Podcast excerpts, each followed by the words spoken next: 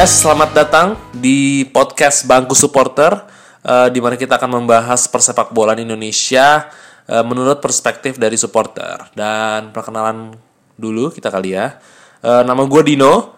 Uh, gue adalah uh, supporter fans uh, pendukung dari sepak bola Indonesia. Um, gue punya klub yang gue dukung, tapi gue tidak akan men-share-nya di sini uh, eh, gue akan mencoba seobjektif mungkin dalam mereview uh, sebuah tim dalam pertandingan gitu. Dan gue sudah cukup lama menonton sepak bola Indonesia dari gue SD mungkin ya. Uh, eh, gue nonton tuh dari zaman zamannya Ronald Fagundes, Malu Sergei, zaman zamannya Ernest Jeremiah. Pokoknya itu zaman zaman udah lama deh, zaman zaman gue SD. Dan kita akan membahas uh, Liga 1 yang baru saja menyelesaikan game week pertamanya. Uh, ini sebenarnya sebuah hal yang positif ya ketika Liga 1 itu bisa mulai tepat waktu jadi sesuai yang direncanakan PSSI merancang tanggal 29 Februari Liga 1 dimulai dan uh, syukurnya tepat waktu tidak diundur-undur tidak ada turnamen pramusim seperti musim-musim sebelumnya yang besar yaitu Piala Presiden yang memang mengganggu jadwal uh, dari liga yang menyebabkan liga jadinya mundur karena harus menunggu terselenggaranya Piala Presiden. Dan hal yang positif jadinya liga akan selesai lebih awal. Semoga ya kalau tidak ada halangan yang ada di tengah uh, di tengah apa namanya di tengah berjalannya liga kita tahu uh, sekarang virus corona sudah masuk ke Indonesia dan Thailand Liga Thailand sudah uh, menunda pertandingannya sampai April ya kalau nggak salah ya. Dan kita menunggu apakah uh, PSSI akan mengambil tindakan juga. Uh, tapi ya kita doakan semua yang terbaik. Uh, kalau memang harus ditunda demi kebaikan it's fine. Tapi kalau memang harus dijalankan sampai waktu yang tepat yang ditentukan ya it's fine juga dan tentunya akan jadi lebih baik karena timnas uh, akan lebih leluasa. Jadi kan sering kali timnas itu agendanya terganggu karena uh, liga belum selesai. Jadi ketika timnas bermain, tim nasional bermain, liga berjalan. Jadi banyak klub yang hanya mengizinkan uh, misalnya tiga pemain saja yang boleh dipanggil. Padahal ada possibility uh, dipanggil lebih dari tiga pemain dalam satu klub. Jadi semoga uh, ini menjadi awal yang baik bagi tim nasional Indonesia di bawah asuhan Shin Taeyong. Uh, kita lihat kiprah dari pria Korea ini. Lalu langsung aja kita ke topik bahasan. Kita uh, gue gue akan membahas semua pertandingan di game week 1 ini karena gue ingin menggambarkan uh, apa namanya menggambarkan setiap tim bagaimana uh, mereka dalam mengarungi Liga 1 ini di apa game week 1 um, tapi di game week game week setelah ini mungkin gue akan hanya memilih pertandingan-pertandingan tertentu ya karena gue nggak mungkin nonton semua. Uh, karena banyak uh, game yang mainnya berbarengan juga dong dan gue nggak mungkin membagi um, diri gue untuk menonton semua.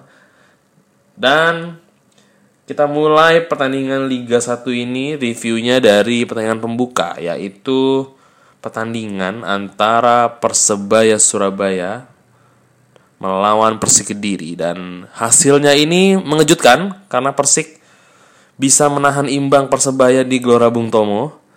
Sebuah hal yang di luar prediksi karena banyak faktor ya.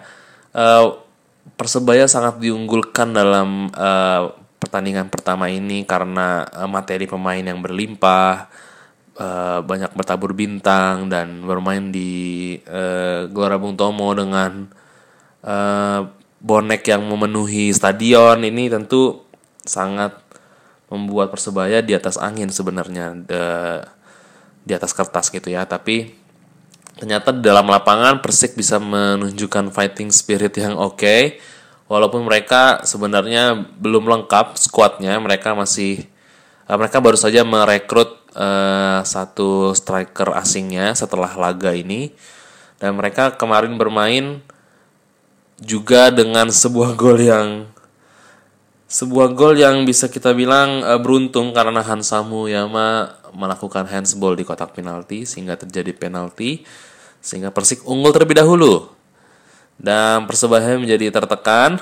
Uh, namun beruntung Persebaya bisa membalasnya dengan lumayan cepat ya. Uh, kebetulan gue nonton pertandingan ini. Uh, Hansamu membalas dan membayar lunas semua hutangnya karena dia menyebabkan penalti. Yang menarik, Persebaya ini punya pemain-pemain yang uh, kelas A lah ya. Mereka punya Makan Konate yang langsung diplot sebagai kapten klub. Mereka punya David da Silva, pemain yang kita nggak ragukan lagi kualitasnya, skillful, punya speed, finishing touchnya oke. Okay. Uh, eh, salah satu kandidat top skor mungkin musim ini ya karena dari musim lalu aja dia bergabung setengah musim dia mencetak cukup banyak gol dan membantu persebaya akhirnya finish di peringkat kedua. Dan ini sebuah pencapaian yang baik. Dan Mahmud ah Mahmud Eid ini ini pemain baru dari Palestina. Dia direkrut dari salah satu klub kasta tertinggi di Swedia. Jadi dia pemain bintang lah ini. Dan badannya kekar besar, memakan 89 dan dia juga punya speed, uh, visinya bagus. Tapi sayangnya di pertandingan awal liga ini melawan Persik Kediri dia kurang perform. Konate juga kurang perform. Kemudian Persebaya juga punya uh, barisan pemain-pemain muda seperti Hambali Toib, Toib kan Tolib, Hambali Tolib Uh, dia juga kurang perform ya di pertandingan kali ini. Mahmud Edge yang mendapat sorotan karena dia sudah diganti di early babak kedua oleh Octavianus. Uh, sangat disayangkan ya akhirnya persebaya akhirnya uh, harus menelan satu poin saja di partai pembuka. Dan memang partai pembuka itu selalu menjadi momok ya sepertinya bagi tim home. Karena sudah beberapa tahun ini uh, laga pembuka pasti tim home uh, susah buat menang dan mungkin demam panggung pressure harus memenangkan pertandingan. Uh, kita nggak tahu ya apa yang terjadi di dalam lapangan. Tapi ya menurut saya persebaya akan menjadi salah satu kandidat untuk menjuarai liga. Dan kita lihat apakah mereka bisa uh, menunjukkan uh, taringnya gitu. Lalu di pertandingan kedua, gue tidak menonton pertandingan ini karena pertandingan ini berbarengan dengan Persebaya melawan Persik. Gue nggak tahu ya ini disiarkan apa enggak. Madura United melawan Barito Putra. Uh, menarik di sini karena Madura United uh, mencoret pemain asingnya sekitar pokoknya deket-deket liga ini mulai dia mencoret Zarahan dan mencoret Brian Ferreira dan langsung merekrut uh, Bruno Matos dan salah satu uh, pemain tengah dari Uzbekistan gue lupa namanya uh, dan dia juga belum bergabung dengan tim. Mungkin uh, akan bergabung di game week 2 kita lihat nanti. Dan Matos mantan pemain Persija dan Bayangkara ini langsung mencetak satu gol dan satu assist. Jadi instant impact buat Madura United dan gol cepat ya. Kalau nggak salah di menit 5 menit awal Madura udah unggul 1-0 lewat Jamerson dan ini membuat confidence Madura semakin naik dan akhirnya berhasil menggulung Barito Putra dengan skor 4-0. Dan menarik, Beto Gonçalves mencetak dua gol ujung tombak yang sudah berusia gue rasa udah 40 tahun nih orang ya apa 39 nih gue lupa pokoknya dia udah sangat tua ya untuk Eh, menjadi seorang striker yang masih bermain di kasta tertinggi liga dan bermain reguler. Uh, eh, gue pribadi salut dengan Beto karena fisiknya masih bagus uh, dan bisa mencetak dua gol di pertandingan pertama dan ini sebuah kredit uh, poin bagi Madura. Tapi kita lihat apakah Madura bisa secara konsisten uh, ngebut gini karena biasanya mereka hanya ngebut di awal, di tengah-tengah sampai akhir udah kurang konsisten tuh. Itu udah menjadi penyakit mereka. Uh, tapi mereka musim ini tidak menjadi tidak mencuri banyak perhatian seperti musim lalu ketika mereka merekrut Andik, merekrut Alexander Rakic, top scorer dua musim lalu. Jadi perhatian dan ekspektasi dari publik tidak setinggi musim lalu. Mungkin bisa uh, pressure-nya bisa sedikit berkurang untuk Madura United. Kemudian uh, pertandingan ketiga, gue juga nggak nonton pertandingan ini, tapi uh, ini menarik. Persiraja Banda Aceh melawan Bayangkara FC. Uh, skornya adalah 0-0. Jadi Persiraja berhasil menahan uh, Bayangkara yang bertabur bintang. Uh, sepertinya terlihat dari Piala Gubernur Kal ah, Kaltim kan, Piala Gubernur Jatim bahwa Bayangkara ini punya problem kolektivitas ya, terutama di lini depan karena mereka praktis uh, mengganti hampir semua barisan depan mereka. Dan mereka merekrut Sadil Ramdhani, mereka merekrut Ezekiel dari Persib Bandung, mereka merekrut Andik dari Madura, mereka merekrut uh, Renan Silva dari Borneo. Dan ini sepertinya perlu adaptasi yang lebih uh, panjang secara taktikal uh, sehingga Madura kan sehingga Bayangkara bisa berbicara banyak. Mungkin gue prediksi mungkin di 10 laga 10 laga awal akan sedikit sulit bagi Bayangkara tapi uh, setelah itu sepertinya Bayangkara akan mulai nyetel dan bisa menjadi membahayakan bisa menusuk di liga eh di bisa menusuk di papan atas. Kita lihat saja nanti. Dan Persiraja menarik. Uh, tim ini adalah salah satu eh satu-satunya tim dari Sumatera yang berlaga di Liga 1 berada di ujung paling ujung Sumatera. Dan dia punya uh, request sendiri untuk uh, Liga 1 ini. Kalau mereka main di kandang mereka bermain di atas jam 8 jam 8.30 setengah 9 dan bagi tim yang akan bertandang ke Persiraja juga uh, akan merasakan pressure point ketika mereka harus beradaptasi dengan uh, uh, situasi di sana, budaya dan segala macam. Mungkin ini yang menjadi keunggulan bagi Persiraja dan sepertinya dia akan banyak mendapatkan poin di kandang. Kita lihat apakah mereka bisa mendapatkan poin selewat tandang juga. Dan kemarin Persiraja sebenarnya juga hampir menang.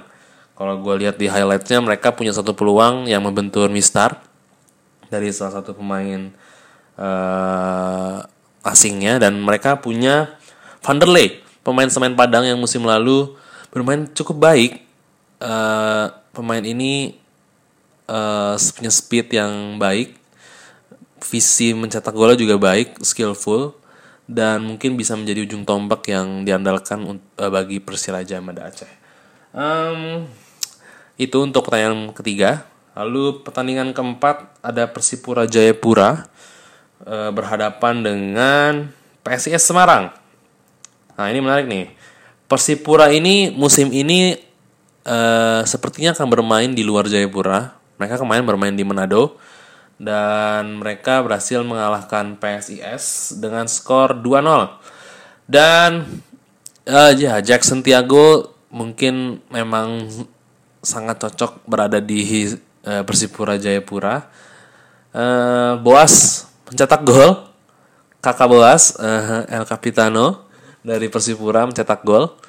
Uh, gol pertama, gol pembuka bagi Persipura dan Persipura punya Silvano Convalius uh, di dari Arema. Uh, kita lihat apakah si Convalius ini bisa kembali menemukan perform terbaiknya karena musim lalu sepertinya dia agak kesulitan di Arema. Uh, golnya tidak sebanyak di Bali United yang mencapai 37 gol ya kalau nggak salah apa 34 gue lupa 37 kayaknya deh uh, dan musim lalu dia gue rasa kontribusinya lebih banyak di assist ya. Karena gol lebih banyak dicetak oleh Konate uh, dan Dendik Dendik eh, Dedik Setiawan. Kita lihat baga kita lihat nanti bagaimana kiprah Persipura. Dan sepertinya PSIS uh, eh, dengan squad yang hampir sama seperti musim lalu tidak banyak terlalu perubahannya tidak signifikan Musim lalu juga bukan musim yang baik bagi PSIS. Uh, mereka punya keunggulan sebenarnya di uh, sosok Harinur, uh, Septian David, dan Komarudin. Tapi kita lihat apakah tiga pemain ini bisa berkontribusi banyak bagi PSIS di musim ini. Uh, kemudian selanjutnya ada pertandingan di Jakarta. Persija Jakarta melawan Borneo FC. Uh, Persija musim ini uh, menghabiskan sangat banyak uang sepertinya. Mereka membeli banyak pemain uh, di berbagai posisi. Uh, di di belakang mereka membeli Otavio Dutra mereka membeli Marco Mota mereka membeli Alfat Fatir. Uh, di tengah mereka membeli Mark Locke uh, mereka juga mendatangkan uh, Osvaldo Hai. Dan kalau proses naturalisasi dari Mark Locke ini sudah selesai dan masih ada waktu untuk mentransfer pemain, sepertinya Persija akan menambah satu lagi pemain asing. Tapi mereka, tapi ini yang menjadi polemik ya, apakah mereka perlu mendapatkan pemain asing yang ini di lini depan atau di maksud maksud gue di lini tengah uh, attacking midfielder atau di center back. Karena kalau kita lihat uh, masalah Persija ini adalah lini belakang yang usianya sudah tidak lagi muda. Mereka punya Maman Abdurrahman yang sudah sangat uh, senior, Marco Mota yang juga senior. Kita tidak tahu apakah Marco Mota bisa perform di perform secara baik di semua laga yang ia mainkan terkait umur yang sudah cukup uh, tua untuk seorang bek kanan yang harus rajin naik turun. Uh, mereka punya juga Ismet Sofian, pelapis dari Marco Mota yang juga sudah cukup tua Kemudian mereka punya Otavio Dutra yang juga sudah tua. Dan ini sepertinya harus menjadi konsentrasi bagi Sergio Varias. Mereka seperti uh, kalau menurut gua sih mereka seharusnya menambah uh, pemain di sektor pemain belakang, pemain asing ya untuk uh, menguatkan lini belakang. Karena terlihat dari kemarin melawan Borneo pun mereka kesulitan uh, di lini belakang itu di babak kedua setelah pemainnya mungkin sudah kelelahan pemain-pemain yang sudah tua itu. Jadi ini akan menjadi sebuah evaluasi apakah Persija akan mendatangkan pemain lagi apa tidak. Kita lihat dan posisi manakah yang diisi. Dan pertandingan kemarin skor berakhir dengan 3-2 keunggulan Persija. Eh, menarik bahwa di awal-awal pertandingan sebenarnya Borneo yang lebih menguasai pertandingan karena Persija uh, menurunkan dua pemain uh, dua gelandang yang tipikalnya uh, bertahan dan satu Mark Marklock yang uh, lebih menjaga kedalaman.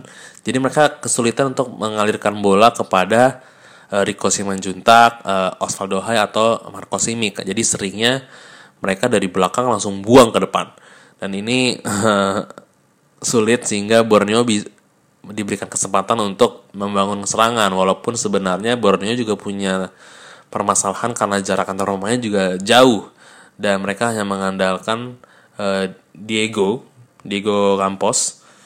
Dan ini sulit karena dia tidak mungkin bisa membongkar pertahanan Persija sendirian. Dan Torres juga bermain tidak cukup baik. Dan ini jadi sulit ya dan beruntung. Persija akhirnya mengganti Sandi Sute di menit ke-19 menggantinya dengan pemain yang bisa mengatur permainan yaitu Evan Dimas. Dan terbukti setelah Evan Dimas masuk instant impact langsung dua gol tercipta. Dua gol cepat uh, sehingga Persija leading 2-0 di babak pertama lewat gol dari Osvaldo Hai dan Marco Simic. Di sini Marco Mota sangat menunjukkan bahwa dia punya kelas yang di atas rata-rata di atas pemain-pemain Liga Indonesia dan satu assist dan satu satu kali dia creating chance untuk uh, gol keduanya Marco Simic dan babak kedua uh, Borneo tampil lebih baik menurut gua. Dia berhasil mengejarkan keadaan jadi 2-1 namun terlena menyerang mereka kebobolan lewat counter attack yang cepat dari Rico. Dia berhasil melewati satu, pemain. Dia lewati dan mengirimkan umpan yang baik dan diselesaikan dengan baik pula oleh Van Dimas. Sehingga Borneo jadi ketinggalan lagi dan di akhir-akhir pertandingan mereka berhasil merebut gol lagi lewat bunuh diri dari Ryuji. Dan menarik uh, Borneo punya potensi uh, tapi mereka perlu uh, memikirkan bagaimana transisi dari bertahan ke menyerang menyerang ke bertahan uh, lalu koordinasi karena mereka punya koordinasi pertahanan cukup buruk. Uh, ini menjadi PR bagi uh, Edson Tavares dan Persija juga. Masalah lini belakang ini apakah mereka bisa konsisten mengarungi Liga 1 ini? Kita tunggu saja. Um, kemudian tandingan selanjutnya yang gue tonton adalah Persib melawan Persela Lamongan uh, menurut gue di game week 1 ini uh, tim yang bermain paling bagus dan paling rapi adalah Persib Bandung jadi Persib Bandung ini punya beberapa pemain kunci di tengah mereka uh, pemain kuncinya menurut gue adalah Omid dan Kim Jeffrey. Uh, Omid lebih menjaga kedalaman, dia uh, seorang defensive midfielder dan Kim Jeffrey adalah penyalur dari belakang ke depan. Jadi Kim Jeffrey ini sangat uh, krusial perannya dan main kemarin bagus. Kemudian mereka punya dua dua penyerang asing yang memang kualitasnya di atas rata-rata. Mereka punya Wonder Lewis sangat skillful. Um, dia punya speed. Pemain tipikal pemain Brazil. Dan dia mencetak dua gol di pertandingan ini. Which good for Persib Bandung. Dan mereka punya um, finisher yaitu Castillion pemain dari Liga Belanda. Pernah bermain Liga Belanda kalau gue nggak salah ya. Uh, dan dia sebenarnya menurut gue uh, dia mainnya nggak terlalu menonjol cuman dia punya uh, penyelesaian akhir yang bagus. Jadi dia dapat satu peluang langsung gol. Dan dan ini uh, menjadi blessing buat Persib. Kita lihat apakah Persib bisa bermain uh, secara konsisten karena mereka juga sebenarnya punya problem problem yang hampir sama dengan Persija mereka punya lini belakang yang secara umur sudah uh, kawakan gitu ya. Mereka punya Supardi, Victor Iqbonevo, mereka punya Ardi Idrus, mereka punya Fabiano Beltram yang memang umurnya uh, menurut gue tidak lagi kompetitif dalam menjalani musim yang panjang dan punya dan berharap memiliki uh, perform yang konsisten gitu. Tapi kita lihat apakah Persib bisa bermain bagus. Uh, kemarin Teja main bagus, Teja Pakualam yang menarik adalah Persela sepertinya terlalu mengandalkan uh, tusukan-tusukan dari Rafinya dan uh, Nakamura ya. Menurut gua malah strikernya bermain jelek ya si Gabriel. Uh, yang menonjol Rafinya dan Nakamura dan Friska Wonsiwor. Womsiwor, Friska Womsiwor tampil cukup menonjol, banyak membantu penyerangan tapi sayangnya Persela kesulitan karena ya pertahanan rapat Persib pemain berpengalaman di di laga awal. Jadi menurut gua Persib merupakan salah satu tim yang bisa menjadi kandidat juara bersama Persija uh, dan uh, Persebaya. Kemudian pertandingan selanjutnya, uh, gue nonton PSM melawan PSS Sleman uh, eh, PSM ini sudah melakoni laga di Piala AFC dan di sini terlihat bahwa Ferdinand Sinaga sedang dalam peak performance. Uh, dia mencetak gol di kualifikasi Piala AFC. Gue lupa beberapa kali tapi dia mencetak gol. Kemudian dia juga mencetak gol kemarin uh, lewat free kick. Uh, gue jarang sih melihat Ferdinand Sinaga mengambil free kick dan PSM seperti biasa akan sangat sulit dikalahkan di Makassar dan PR bagi PSM adalah bagaimana mereka memperbaiki form away-nya mereka. Karena mereka musim lalu bermain menurut gua sangat buruk ya dalam partai tandang. E, menjadi PR apakah mereka bisa membenahi itu dan melalui Liga 1 ini dengan baik sehingga mereka bisa bersaing lah di peringkat-peringkat atas. Tapi menurut gua PSM sebagai kandidat juara belum. Masih menurut gue kehilangan Mark Locke sangat besar bagi mereka. Uh, tapi kita lihat apakah mereka bisa berkontribusi banyak di Liga 1 ini. Kemudian uh, pertanyaan selanjutnya uh, juara bertahan Bali United yang uh, gue nggak tahu kenapa mereka bermain sepertinya tidak tahu harus mengarahkan bola ke mana. Kreativitas sangat miskin um, mungkin ini dipengaruhi juga karena tidak bermainnya tiga pilar mereka yaitu uh, apa Stefano Lillipali, uh, Paulo Sergio dan uh, Ilyas Pasoyevic uh, terlihat mereka kesulitan menembus pertahanan dari Persita Tangerang, menembus benteng uh, yang dikawal oleh Hamka Hamzah. Dan ya skor 0-0 menarik Bali United tidak bisa mencetak gol di partai tandang eh partai kandang yang sebelumnya eh, pertandingan ini diprediksi akan menjadi pertandingan di mana Bali akan jor-joran mencetak banyak gol tapi sayang mereka gagal dan hanya satu poin. Dan Persita eh, ini berbahaya Persita. Persita ini memulai musim ini mereka punya salah satu striker yang bisa mencetak gol dari semua posisi. Uh, ini spesialis gol-gol indah Samsul Arif. Uh, kalau dia bisa perform di Persita, menurut gue Persita akan menjadi salah satu tim yang underdog yang bisa uh, mungkin salah satu giant killer bisa terjadi. Ini buktinya aja dia bisa menahan Bali United walaupun Bali juga uh, minus tiga pemain, tapi ini modal yang baik bagi Persita. Dan ini menunjukkan bahwa tiga tim promosi uh, mendapatkan hasil yang lumayan positif. Semua menghasilkan satu poin.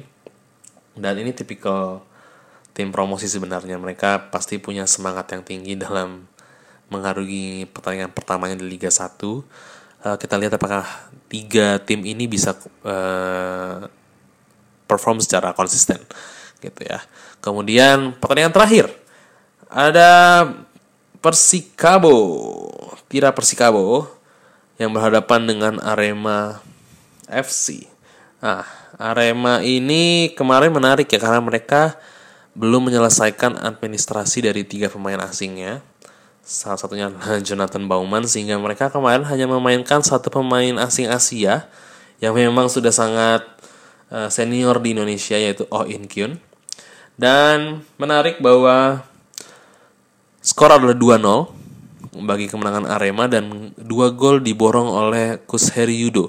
Jadi pemain ini adalah pemain yang sebenarnya menurut gua uh, musim lalu bermain sangat baik bagi PSS. Dia tidak sering menjadi starting line up tapi dia ketika dia masuk sebagai super sub dia biasanya mengacak-acak tuh pertahanan lawan. Jadi dia uh, beberapa kali mencetak gol atau berkontribusi gol bagi PSS Sleman uh, lewat ketika dia menjadi pemain pengganti gitu ya. Dan menarik, Arema tanpa pemain asing sudah bisa menang, apalagi Arema dengan menggunakan pemain asing. Uh, kita tunggu apakah Arema bisa berbicara banyak di liga. Uh, kemudian Petira Persikabo punya kombinasi menarik antara Ciro dan Alex. Um, Ciro merupakan pemain yang bermain sangat baik di paruh pertama liga musim lalu. Unstoppable ini orang, uh, skillful banget. Dia bisa mencetak gol dia memberikan banyak assist bagi uh, gue lupa strikernya kemarin. Uh, Arnaud ya Loris Arnaud uh, tidak Persikabo. Namun setelah uh, Arnaud keluar sepertinya uh, di paruh musim menjadi kesulitan bagi tidak Persikabo.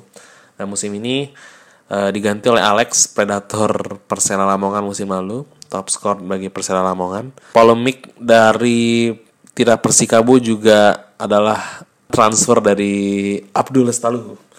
Jadi Abdul Lestaluhu ini sebenarnya sudah um, setuju dan menandatangani kontrak bersama Persebaya, namun sepertinya Tira Persikabo ini tidak melepas Abdul Lestaluhu begitu saja. Sepertinya dipersulit sehingga akhirnya transfer ini batal dan Persebaya uh, mengalah ya sudahlah biarkan uh, Abdul Lestaluhu stay di Tira Persikabo mereka tidak mau fokus uh, terhadap Abdu sehingga mengganggu performa tim. So it's good thing for Persebaya Surabaya. Uh, dan begitu uh, review dari 9 pertandingan di Liga 1 Game Week pertama 2020 ini. Um, kita lihat ini gue take uh, dua hari setelah uh, Tira dan Arema bermain. uh, mungkin gue akan membuat uh, podcast setelah ini uh, preview dari game week 2 yang akan dimainkan tanggal 7 uh, tanggal 6 gue lupa ya tanggal 7 tanggal 6 gue akan mungkin akan bikin reviewnya eh previewnya. Atau kalau gue nggak sempat gue akan bikin reviewnya lagi tapi gue hanya memilih beberapa pertandingan tertentu ada yang gue tonton. Dan yang menarik untuk gue review gitu ya. So uh, selamat datang di uh, podcast bangku supporter semoga kalian suka uh, so I'll see you in the next podcast. Bye.